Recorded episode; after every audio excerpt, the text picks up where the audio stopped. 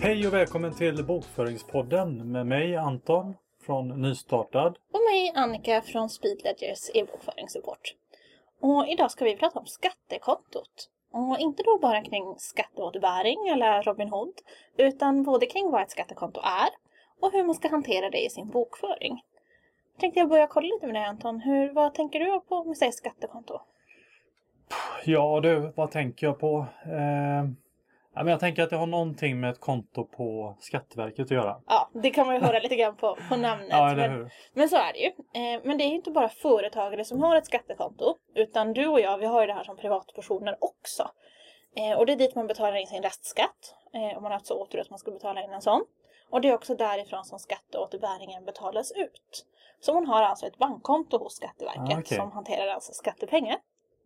Och som enskild firma så har man samma skattekonto både som privatperson och som företag eftersom man är ju samma Mm, juridiska ja, just det.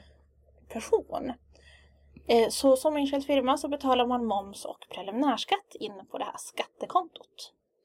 Ja men det är ju intressant eh, förutsatt att det ser bra ut då. Ehm, och eh, ja, jag tänker att man är ju intresserad av att veta hur det går. Eh, och så. Precis.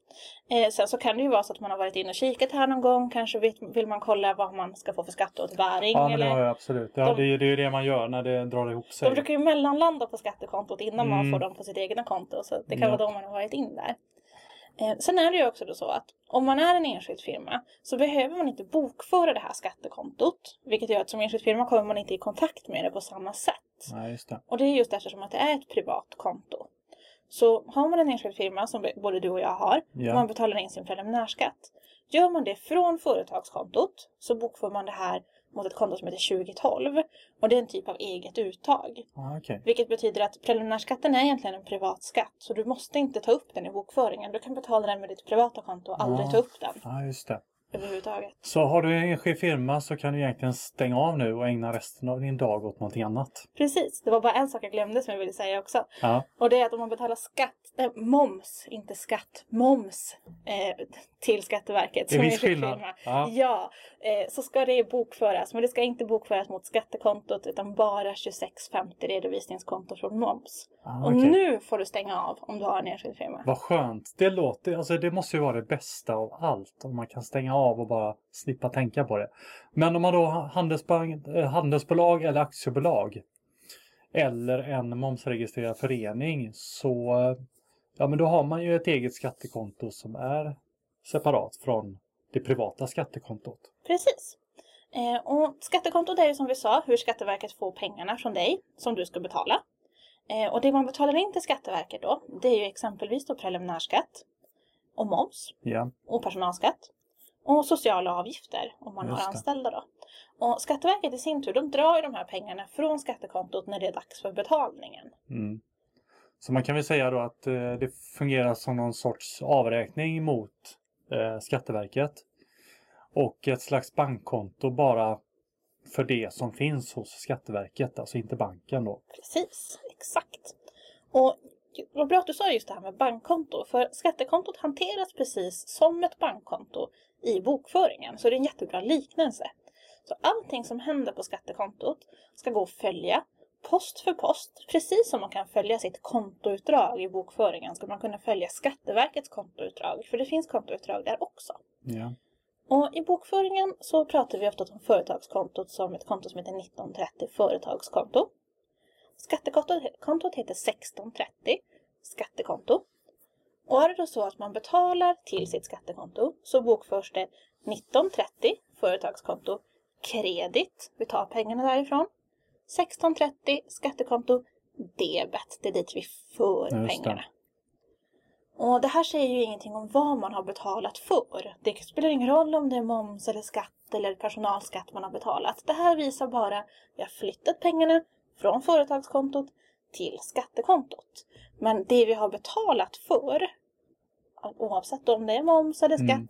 det ska man specificera sedan månadsvis i bokföringen. Okej, så det här innebär med andra ord att man bokför dubbelt. En gång när man betalar till skattekontot och sen en gång när man specificerar vad det är som har dragits från skattekontot. Ja. Och just idag så kommer jag förklara övergripande hur det här hanteras. Det kan vara lite svårt att ta till sig bara genom att lyssna.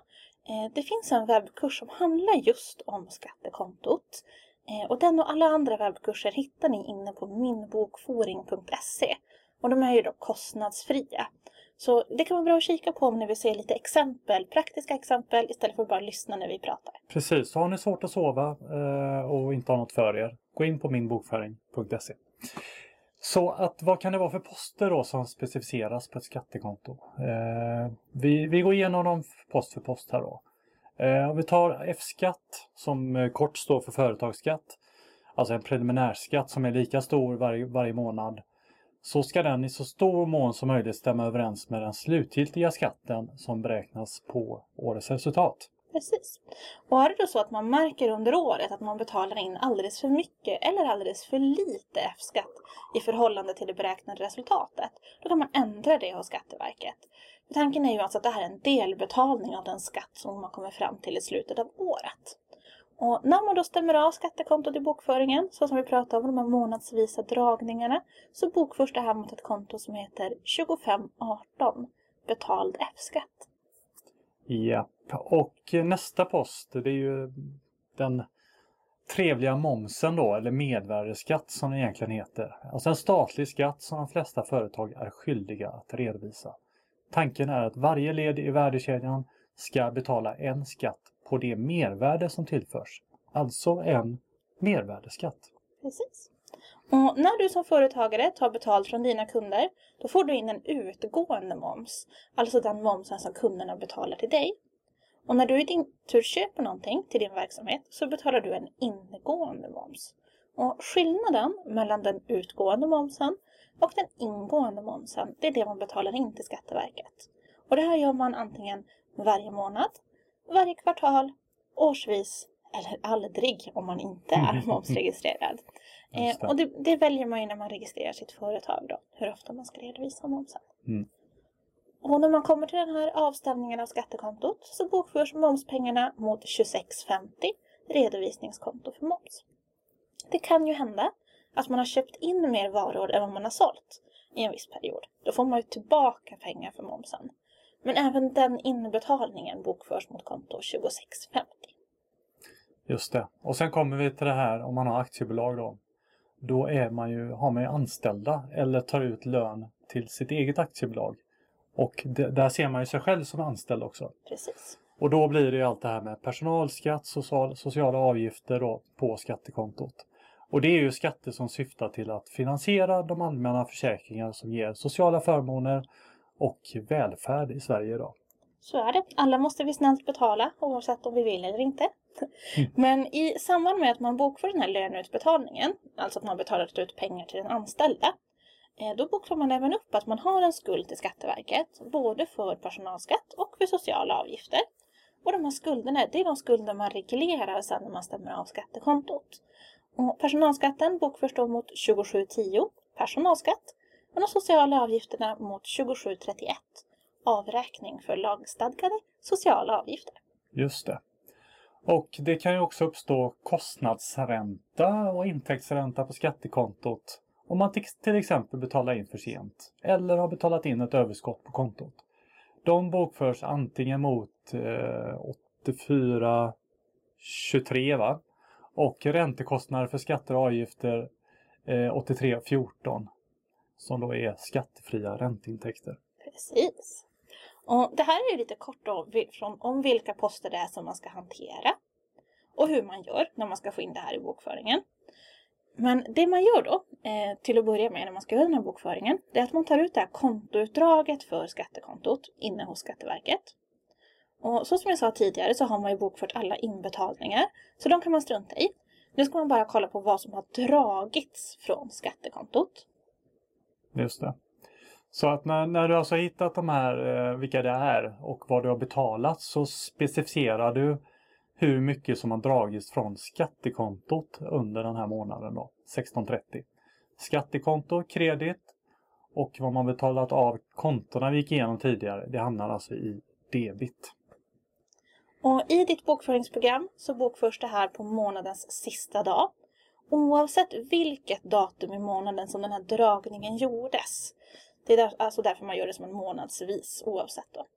Och det här kan vara lite klurigt som vi sa att bara ta, ta till sig genom att lyssna på det här. Så än en gång så rekommenderar jag vår webbkurs och alla andra webbkurser så att ni får se det här i praktiken.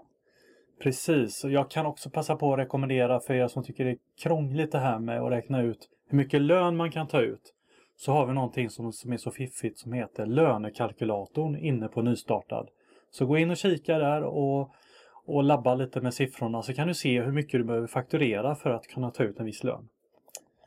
Eh, och har ni frågor eller funderingar så är ni som vanligt varmt välkomna att mejla till bokföringspodden snabela speedledger.se. Och det säger vi. Trevlig Bokföring! bokföring!